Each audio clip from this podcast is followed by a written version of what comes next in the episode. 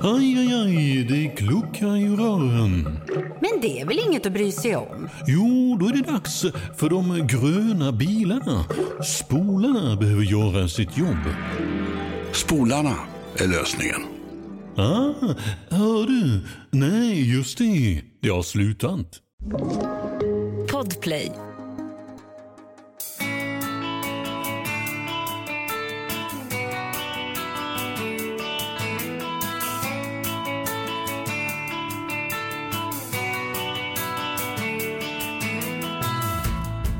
Hej och välkommen till Hälsogåtan. Jag heter Anders Wallensten och är läkare, folkhälsoexpert och författare till boken med samma namn. I 11 avsnitt har vi nu pratat om hälsa utifrån ett helhetsperspektiv som enligt mig består av sex hälsonycklar. Rörelse, mat, sömn, våra relationer och tankar och så den sjätte som vi ska prata om idag, vår omgivning och hur den påverkar vår hälsa. Jag tror att du liksom jag känner ett lugn av att vara i naturen och föredrar ett rum med havsutsikt på semestern men vad är det som händer i kroppen när vi är i naturen och har det konkreta, mätbara hälsoeffekter? Detta ska vi prata om idag, för jag har bjudit in Patrik Gran som är landskapsarkitekt och professor vid Sveriges lantbruksuniversitet i Alnarp. Han har studerat just detta under många år. Välkommen hit Patrik! Tack så mycket! Det är så kul att ha det här och det ska bli fantastiskt spännande att få reda på mer om naturens hälsoeffekter. Men, men först lite för att förstå din syn på det här. Vad är hälsa för dig? Livslust när man vaknar på morgonen och känner att allt är bra och man har energi och livslust. Och det är mycket så jag skulle vilja beskriva hälsa också. Det är ja, ett tillstånd som är fullständigt utifrån både fysiska, sociala och eh, psykologiska faktorer. När vi jobbar i till exempel Alnarps rehabiliteringsträdgård så, så ser vi det som att man, har, man behöver ett stöd från både den fysiska miljön från den sociala miljön och någonting som vi beskriver en kulturell komponent. Ja, kultur betyder ju odling ordagrant, men man beskriver kultur som alla mänskliga handlingar. Vad man gör, till exempel i naturen eller i en trädgård. Det kan göra att man får en, en typ av balans. När vi har jobbat i rehabiliteringsträdgården har vi fått dit folk som har haft stroke väldigt mycket fysisk och oro och sånt. Men också de som har drabbats av utmattning eller av, av krigstrauman eller av eh, Parkinson. Och vi ser att den här balansen, att komma tillbaka, så det är mycket det. Livslust kan man säga. Livslust. Jag tycker också att du antyder att det, hälsa är, innehåller många delar så att säga och att det på något sätt är balansen i det hela som också spelar roll. Ja, och där är ju då stressen en, en komponent som vi jobbar mycket med, för den, den dränerar ju oss väldigt mycket. Om man får den här balansen så, så avklingar ju stressen och man, man kan få upp sina resurser, copingresurser eller vad man nu vill kalla det, för att kunna ta itu med, med vardagen. Mm. Du har nämnt er, er behandlingsträdgård. Hur går den här forskningen till om naturens påverkan på människor när ni gör, jobbar med den?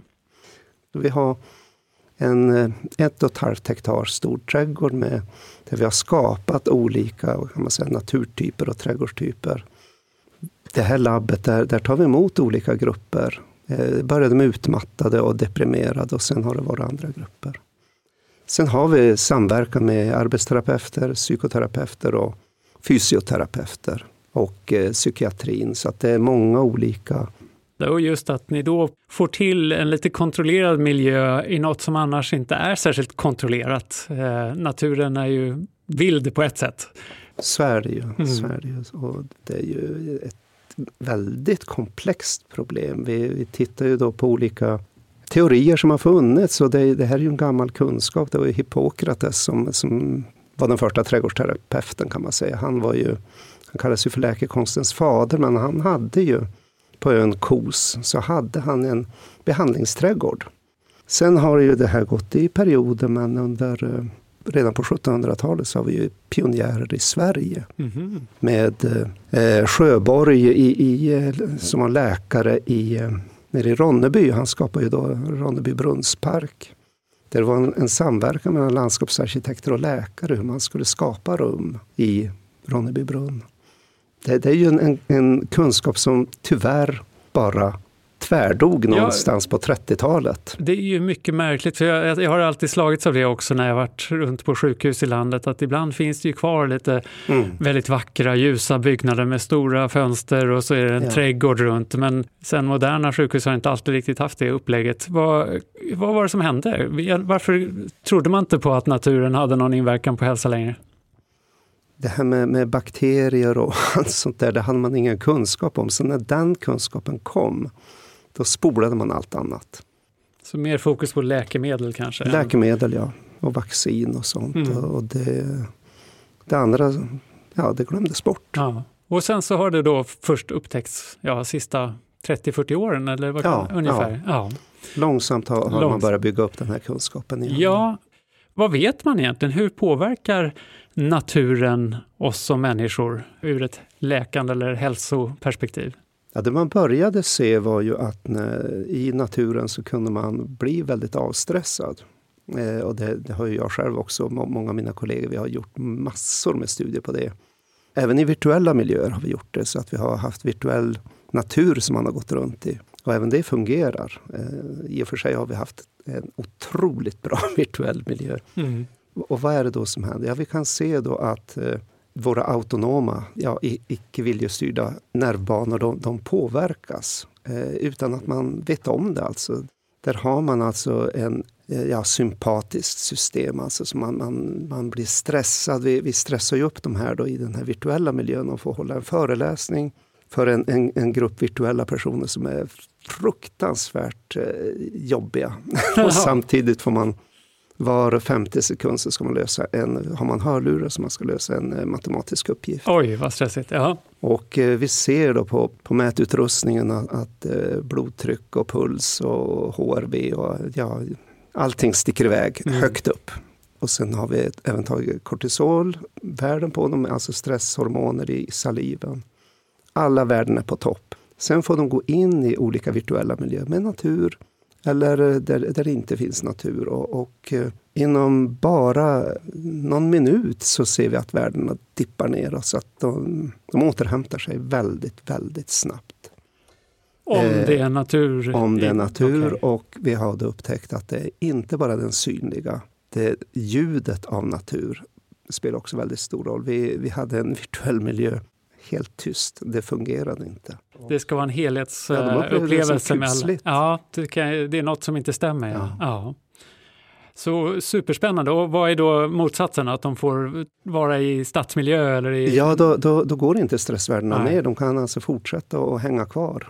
Det är ju en sak som upptäcktes tidigt. Ja. Sen upptäckte man också att man kunde återhämta beslutsförmågan, tankeförmågan väldigt snabbt i natur. Och då är det då tankar om att vi har ett par olika system som har med fokusering och koncentration att göra. Eller man kan säga att det ena handlar om att man lägger märke till saker. Man lägger märke till om ett ljus blinkar, eh, kraftigt ljud eller så. Och det kallar man för den spontana uppmärksamheten. Sen har man den fokuserade, styrda uppmärksamheten när man ska till exempel läsa en svår text. Och den senare varianten, den, man blir trött efter ungefär en halvtimme, 40 minuter. Då behöver man återhämta sig. Och då, om man går ut i natur med den här, ja, att man får spontant se saker som inte är påträngande. Alltså det, det ska ju vara mjuka värden, mm. en fågel som kvittrar eller man hör eh, bruset av vinden i träden och sånt. Då återhämtas förmågan. Och det här är ju då hjärnan som använder olika system. Det här styrda, fokuserade systemet jobbar också med att hålla bort störande intryck och störande tankar. Störande tankar på obetalda räkningar, mm. jobbiga tonåringar och allt annat. tar också kraft från den här fokuseringen, den här så kallade exekutiva funktionerna. Kommer man då till en miljö där allt sånt kan vila, då, då kan man återhämta sig snabbt. Det här är någonting som har testats sedan 80-talet och vi har funnit att det fungerar. Men vad man inte har riktigt haft är någon teoretisk förankring. Sen har det kommit nya saker som har hänt de senaste åren. Det är en sak som handlar om berikade miljöer. Och där har man ju upptäckt att eh, hjärnan har en väldigt smal så kallad bandbredd. Som medvetandets bandbredd. Vi får in ungefär 11 miljoner informationsbitar per sekund. Men medvetandet, alltså vår, vår tankeförmåga, vår kognitiva tankeförmåga kan hantera högst 40 stycken. Oj. Så att eh, det är alltså en, en obetydlig bit som, som är alltså i våra pannlober. Mm. Eh, allt annat tas om hand av våra sinnen. Och där har man ju då, förutom de vanliga fem sinnena, så har vi mjuk beröring, vi har tryck, vi har vibration, vi har gravitation, vi har muskelposition, vi har temperatur, vi har olika smärtsinne, vi har något som heter proprioception, att man uppfattar sig som en fristående kropp i rummet. Man har lokomotion som har med tidsrumsliga upplevelsen och så vidare. Alla de tar, utan att vi är medvetna om det, tar de hand om alla dessa miljoners miljoner intryck. Det går in i nerverna, det går upp i de perifera nervsystemen, in i de centrala nervsystemen. Och alla dessa 11 miljoner informationsbitar startar ju då miljarder av olika kopplingar. Så det är alltså ett, ett fullkomligt universum eh, som man då ska utreda. Och nu har vi då i vår rehabiliteringsträdgård jobbar vi med hur hjärnan fungerar eh, i Man, man realtid. kan, alltså. man kan liksom lysa upp hjärnan och se hur den arbetar. Hur den Mm. arbetar, ja. Man kan alltså då ha en bärbar utrustning med en hjälm på sig. Okej. Vi har eh, bärbar utrustning för blodtryck, puls, HRV, alla sådana här utrustningar. För det här är ju någonting som man inte kan sätta ord på. Det är ju undermedvetet. Så vi vill se vad är det i naturen som påverkar oss. Hur ska vi skapa naturen? Och där verkar det vara så att det är en variation som krävs. Vi drar oss till olika miljöer när vi är stressade. Vi drar oss till andra miljöer när vi vill bli stimulerade. Och eh, det är vissa intryck som är viktigare än andra. Alltså all natur är inte lika effektiv.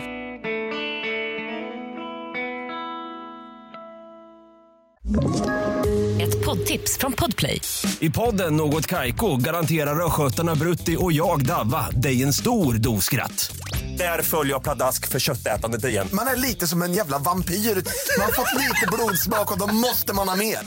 Udda spaningar, fängslande anekdoter och en och annan arg rant. Jag måste ha mitt kaffe på morgonen för annars är jag ingen trevlig människa. Då är du ingen trevlig människa, punkt. Något Kaiko, hör du på Podplay. Därför är gardinerna.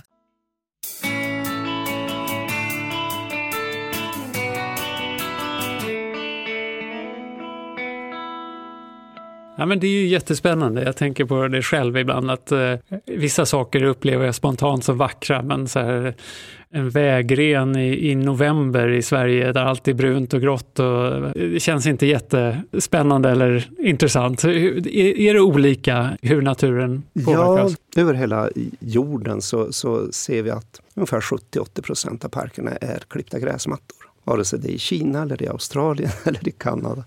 Och det är ju inte särskilt eh, intressant. Ja, det är kanske intressant för måsar och hundägare att besöka. Men eh, eh, vad vi kan se är att eh, det finns ett spektrum. Vi, vi ser nästan som en färgkarta med åtta huvudkomponenter. Där då en huvudkomponent är eh, att känna den här ofylldheten. Att eh, där ska inte vara klotter eller, eller eh, ogräs. Eller, eller som, utan det ska vara och inte störande människor utan man ska känna den här totala lugnet och harmonin. Både ljud och eh, det man ser ska, ska ge den Ja, över hela världen är det det som folk vill ha mest. Okej, när de går i- ut. När man går ut i en park för att bli lugna och känna sig väl till mots. Ja, precis. Den här tryggheten och Mm. lugnet. Eh, sen har vi då en annan komponent som har med, med eh, att man kan ha någon sorts kontroll. Eh, man kan se utan att synas. Man kan ha den här, det är jag som behärskar. Eh, det är en annan komponent. Eh, och finns de tillsammans så är det naturligtvis jättebra.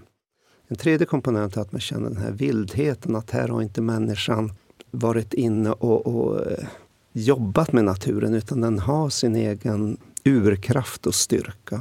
En fjärde komponent är att det finns variation, alltså att man kan se olika typer av fjärilar och bär och liknande. En femte komponent är den här storleken. Att man kan, en skog är inte en skog om man ser slutet på den när man går in i den. Nej. Utan att man vill man ska kunna gå runt där, få någon sorts reda i sina tankar. Sen har vi då en komponent med den här vidden, utsikten. Att man kan eh, ja, se långt. En eh, sjunde komponent är den här kulturella komponenten. Alltså det finns en spännvidd från det här vilda till det kulturella. Det kan vara att man fascineras över att här har någon anlagt en rabatt eller eh, en fontän eller en skulptur över något. Eller det kan vara någon, någon gammal ruin när man är i en, i en skog som man fascineras över. Och den sista komponenten är den sociala, att man kan hitta någon samlingsplats. Många som går ut i naturen vill ju vara tillsammans med någon också. Kanske hitta en, en plats där man kan slå sig ner. Eller i en stad att man kan hitta ett café eller liknande. Så alla de här åtta komponenterna finns överallt, mer eller mindre uttryckt. Men eh, vi försöker lära landskapsarkitekter att kunna hantera det här. Och där vissa av de här komponenterna förstärker varandra, andra är kontraster. Men det är ju jättespännande och såklart eh, det vore ju fantastiskt om man fick till det här så att man i parker och i miljö i närheten där folk bor så att man verkligen kan få hälsoaspekter av att vara ute i naturen. Och jag kan själv känna igen mig i det här, om det var sjunde faktorn du nämnde eller så, att eh, jag har varit en del i vildmarken och eh, när jag har varit i verklig vildmark så finns det ibland en känsla av otrygghet för att det är, man är själv i naturen så att säga. Men så fort jag har sett en stuga lite längre fram eller någon tecken på mänsklighet så ger det en väldig trygghet. Jag har bara varit så fascinerad av det. Att, mm. Och det stämmer ju väl med vad du säger då. Att eh, vi vill att det ska vara vilt men ändå tryggt på något sätt. Ja, precis så är det. Och det är väldigt stark, vare sig det är i Kina eller Japan eller i, i Indonesien eller i Costa Rica. Utan, så att den, den har, det har testats på många Det är samma håll. faktorer som anses viktiga eller Samma, fungerar liksom Ja, sen, sen är det ju då andra sorts trädarter eller, Mm. och, och liknande. Men det är samma komponenter i huvudsak. Ja, eh, det är också någonting. Jag, jag vet att du är från Vilhelmina i Norrland, Mm. men du bor nu i Skåne. Är den miljö man växer upp i på något sätt präglande för vad man tycker om för natur, eller spelar det ingen roll? Eh, eller jag hade en doktorand som ställde samma fråga och vi, vi gjorde en studie på det. Eh, Anna Adevi eh, heter hon. Man kan säga att just de här sakerna som jag nämnde tidigare, de, de här huvudtyperna, de finns var, var, var man än är. Men man kan se då att den som har vuxit upp nära havet, för den är det havsmiljön som gäller. Hon kallar dem för havsmänniskor. Det ska vara det här stora havet nära. Sen har vi de här eh, slättmänniskorna som vill ha slättbygden och inte ha för mycket skog in på sig för då, då känner de sig oroliga. Sen har vi skogsfolket som verkligen gillar skog i alla dess former. Och den fjärde är de här de som vill ha mycket kuperad berg, berg och sjömänniskorna, eller fjäll för min del. Och vi kunde se att eh, de här preferenserna för den här typen av miljö följde med hela livet. Och man, har du själv den känslan att det saknas något i Skåne som du... Ja, ja vi, jag har ju kvar min, eh, jag och min syster, vi har ju en stuga uppe i fjällen i Vilhelmina. Ja, men vad spännande, och då tycker jag vi brygger över här. Nu, Prägling, eh, det, kan ju finnas någonting evolutionärt säkert i det, att man är trygg i den miljö man är uppväxt. Och det är väl samma för många andra djurarter kan jag tänka mig. Att de, Ja, men så är det. Om vi går till det evolutionära då. Vi är ju djur, liksom andra djur, och vi, egentligen klarar vi oss alldeles utmärkt i naturen om vi växer upp i naturen så att säga och lever det, den typen av liv. Men nu bor vi i städer. Vad har vi kvar i oss som eh, påverkar hur vi mår från vår evolution och hur vi tolkar omvärlden som vi kanske inte tänker på när vi lever stadsliv eller liknande. Vad, vad kan du säga om det? Jag vet att det finns lite teorier. Ja, eh, jag blev ju själv väldigt snopen att, eh, att folk blir så friska av att vara i naturen. Vi har gjort en, eh, såna här stora epidemiologiska studier också där vi, där vi har sett att folk som bor i socioekonomiskt utsatta områden där det finns mycket, mycket natur, de är friskare än vad de borde vara om man säger så. För att eh, just det här med att dåliga socioekonomiska förhållanden ger en dålig hälsa, det är ju, det är ju välkänt. Men har de då närhet till natur så, är, så blir det som en utjämnande faktor. De är, de är alltså friskare än vad de borde vara. Och eh, det där har vi ju undersökt. Vad, vad, vad kan det bero på? Ja, har de nära till naturen har vi sett. Så är de ute mer. Alltså närhet till ett naturområde gör att man går ut oftare. Det finns ju då eh, flera studier, bland annat en jättestor kanadensisk studie som visar att vi är inomhus eller i transportmedel eller så ungefär 90, ja, 93 till 96 procent av dygnet. Vi är, vi är alltså mera grottmänniskor nu än vad vi någonsin har varit. Så att gå ut och ta en nypa frisk luft, få solljus, alltså bara det, det här att, att eh, få dagsljus gör ju att den, man, man blir piggare på morgonen och man sover bättre på natten. Det finns alltså hormoner då. Vår kroppsklocka som, som ställs in rätt om man tar, en, tar en, en nypa frisk luft. Man får också mycket D-vitaminer, så bara det gör ju mycket. Sen har vi då om det är stora områden, alltså en liten grönplätt, då kanske man går ut. Men man får inte den här fysiska aktiviteten. Har man då stora grönområden så ser vi att man tar en, en rejäl promenad. Och det är ju också jätteviktigt. Att ta långa promenader i sig är ju bra. Tar man det i naturen så får man då så mycket annat. Man får den här lugnet och harmonin av, av, av hur grönskan ser ut och genom att använda alla våra eh, 13 sinnen så stimuleras då hjärnan på massa, massa olika sätt. Som Går man in i skogen så kanske man får, kan andas in ja, fytonsider. Det finns alltså japansk forskning som visar att, att då, då får man en bakteriekultur i kroppen som hjälper oss att hålla emot eh, infektioner. Japanska forskare säger en skogspromenad varannan vecka på en halvtimme. Då håller man sig frisk. Eh, andra forskare säger att ja, går du ut och tar en nypa frisk luft tio minuter om dagen och får lite solljus på händer och i ansiktet så får du D-vitaminer. Och så ska man inte glömma rörelsen också. Som Fysiska aktiviteten, mm. ja. Man får ju många saker på köpet av en skogspromenad kan man ju lugnt säga. Exakt. Mm.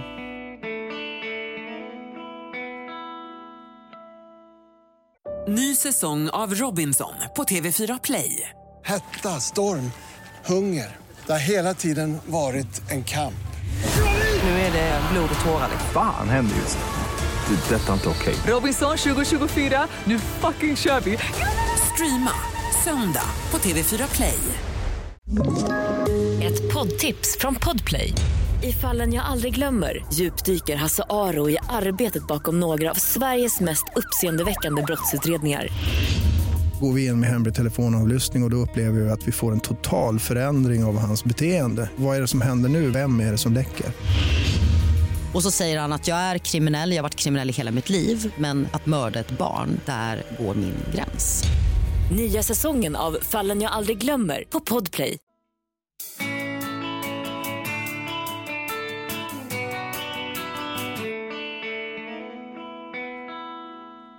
Det finns en, en av mina kollegor, eh, Caroline Hägerhäll, hon har då funderat på vad är det i naturen som gör att, att man återhämtar sig bättre. Och hon eh, jobbar då med någonting som heter fraktala dimensioner. Det är någonting som är... En upprepbarhet. Ett en, mönster som upprepas. Ja. Som till exempel har jag hört att man beskriver en, en gren och så ja. blir det små grenar utifrån den och ännu mindre små grenar och så är det blad längst ut. Att det liksom Exakt. är ett upprepat mönster. Ja. Men där finns också en liten, vad ska man säga, twist. Den är inte så tråkig som till exempel ett tegelfasader. Utan det, det finns en liten, ett litet kaos i det här, så en liten twist som gör att det, enligt teorin så är det lättare att ta in för en hjärna. Lättare att, och, eh, och leva i en sån miljö med en viss uppreparhet som är lugn och lätt för en, en biologisk varelse att förstå och kunna hantera. Tänker jag rätt om hjärnan då så att säga har lättare att avkoda den här miljön. Den mm. informationen tar inte så mycket uppmärksamhet att ta in för man kan läsa av allt på en gång lite snabbare. Jättebra. Ja, okay. då, då har jag förstått rätt. Ja. ja, bra. Nej, men, så att det finns ju olika teorier och det är en. Och sen, men, men i, i grunden tycker jag de flesta verkar komma tillbaks till att det är är mer vilsamt därför vi har lättare att ta in intrycken som är i en naturlig omgivning kontra sig en stad med blinkande ljus och buller och sådär. Och det vore lite konstigt annars med tanke på att vi bott huvuddelen av vår tid som art i naturlig miljö. Och... Ja, och nu är det många som då funderar på vad beror det här på? Men det är ju det att det är så väldigt, väldigt, väldigt mycket som sker undermedvetet. Vårt medvetande kan inte riktigt förstå hur, hur vår kropp fungerar tyvärr är det ju så att vi, vi, forskare måste på alla möjliga sätt bevisa att så här ligger det till. Ja, det är också något som är intressant att om vi nu alla har den här känslan, jag tror de flesta skriver under på att man kommer ut i naturen, man blir lite lugnare och sådär. Mm. Det är intressant att vi måste forska så mycket på det också, men det är ja. samma med rörelse, att vi, det ägnas väldigt mycket mm. forskning åt att bevisa att rörelse är bra, men egentligen så känner vi ofta att det är ganska bra för oss att vara ute och röra oss och, sådär. och, och sova, samma sak. Att vi mm. vetenskapligt måste bevisa de här sanningarna som man kanske också kan sluta sig till, delvis genom att tänka vad är rimligt evolutionärt mm. och, och också titta på de som lever med hälsa högt upp i åren. Vad, vad har de gemensamt? Jag har gjort studier mm. på de här blå zonerna och jag kan ju säga att en gemensam faktor Eh, det, det, är inte urbana miljöer direkt, det är inte städer utan det är lantliga miljöer på grekiska öar i Medelhavet mm. eller en jättevacker halvö där jag varit i Costa Rica till exempel. Det är natur in på knuten kan man säga. Ja, så är det. Hur gör man för att få ta del av naturens hälsoeffekter på ett rimligt och bra sätt om man är en stadsmänniska till exempel? Det är så enkelt. Gå ut. Det är det viktigaste. Ja. Gå ut, få den här solen, få den här friska luften. Vi har ju sett också att inomhusluften i regel är mycket, mycket sämre än utomhusluften. Även på de mest trafikerade områdena i Stockholm. Oj. Inomhusluften innehåller formaldehyd, den innehåller asbest från, ja, i alla fall om huset är äldre än 1980. Och det innehåller mögel, det innehåller damm, jättemycket skit. Så gå ut, få lite frisk luft, upplev dagsljuset. Det är det viktigaste. Ta gärna en promenad. Ta den gärna i ett naturområde. Ta en längre promenad. Som de här japanerna säger, åtminstone eh, en halvtimmes promenad varannan vecka. Det är väl kanske det absoluta minimum. Det låter inte så mycket. Nej. Nej. Så det är inte så märkvärdigt, bara lite gör mycket. Just en naturpromenad kan verkligen vara en hälsococktail, tänker jag. Mm, Om man mm. kommer ut och får del av naturens eh, effekter, man får rörelse, mm. man kommer att sova bättre. Har du dessutom med dig vänner och pratar med vänner så får du effekten av eh, hälsosamma relationer. Alltså det är så mycket man får på en gång av en sån aktivitet att eh, det, bör vara en vettig investering av ens tid, så kan man säga. Ett intressant naturområde kan också locka en att, att vistas ute och är det då intressant så går man också tillbaka dit igen och igen. Men har det här tagits vidare i vården vad det gäller behandling av patienter? Ja, i Skåne så har eh, man upphandlat tio stycken så kallade NUR-gårdar, alltså naturunderstödd rehabilitering på gård. Och de gårdarna de samverkar med intilliggande vårdcentral. Det har blivit en del av vården i Skåne.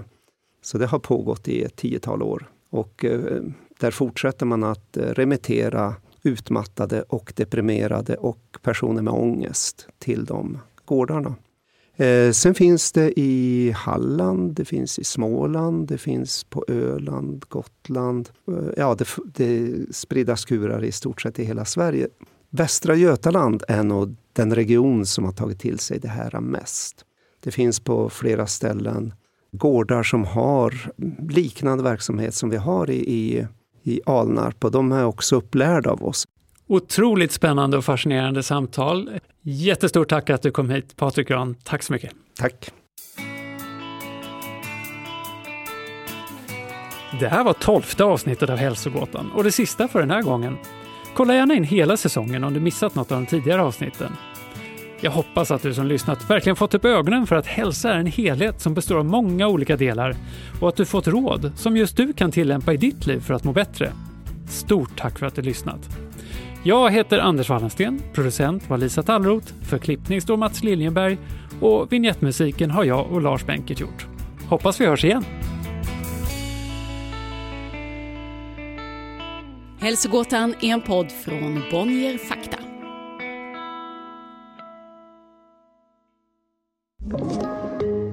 Podplay. Ett poddtips från Podplay. I fallen jag aldrig glömmer djupdyker Hasse Aro i arbetet bakom några av Sveriges mest uppseendeväckande brottsutredningar. Går vi in med hemlig telefonavlyssning och, och då upplever vi att vi får en total förändring av hans beteende. Vad är det som händer nu? Vem är det som läcker? Och så säger han att jag är kriminell, jag har varit kriminell i hela mitt liv men att mörda ett barn, där går min gräns. Nya säsongen av Fallen jag aldrig glömmer på Podplay.